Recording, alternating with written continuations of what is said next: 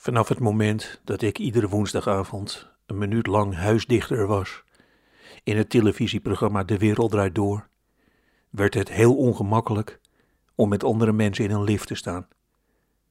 Als ik werd herkend, dicteerden wildvreemde figuren een tekst die ik dan aan Matthijs van Nieuwkerk moest doorgeven.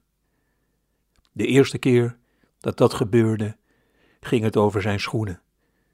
Ik moest hem zeggen dat hij vijverschoenen droeg en dat we in Nederland gewoon sokken dragen. Wat ik zelf in het programma deed, interesseerde ze niet. Ik was jarenlang hun spreekbuis.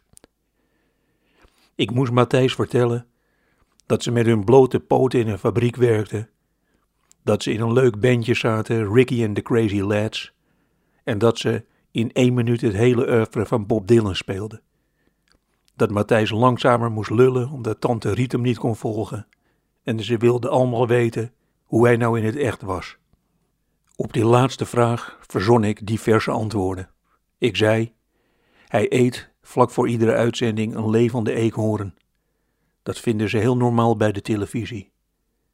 Of ik vertelde dat Matthijs tot twee minuten voor de uitzending in een stikstoftent sliep. Ze verbeterde mij. Je bedoelt zuurstof. Nee, zei ik, stikstof.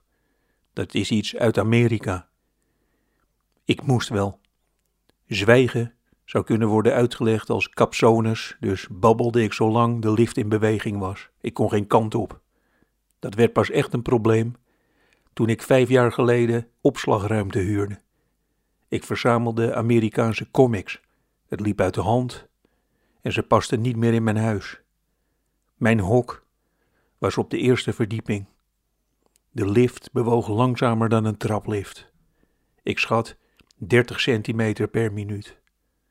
Nu ontstond er een heel andere dynamiek. Ik stond naast mannen die verdacht veel op mij leken. Pluizige baarden, spierwitte haren en ze hielden rare voorwerpen vast. Alles was nu omgekeerd. Er werd van mij verwacht dat ik iets zei. Ik stond naast een man die een gebogen stalen buis in zijn hand had en hij keek mij aan. Ik vroeg: Zelf gemaakt? Hij hield het object vlak voor me en hij zei: Ja, raad eens, hoe heet dit kunstwerk? Ik gokte.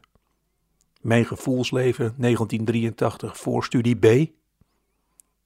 De allerliefste man waarmee ik in de opslaglift stond, droeg een doos vol ingelijste foto's voor zijn buik.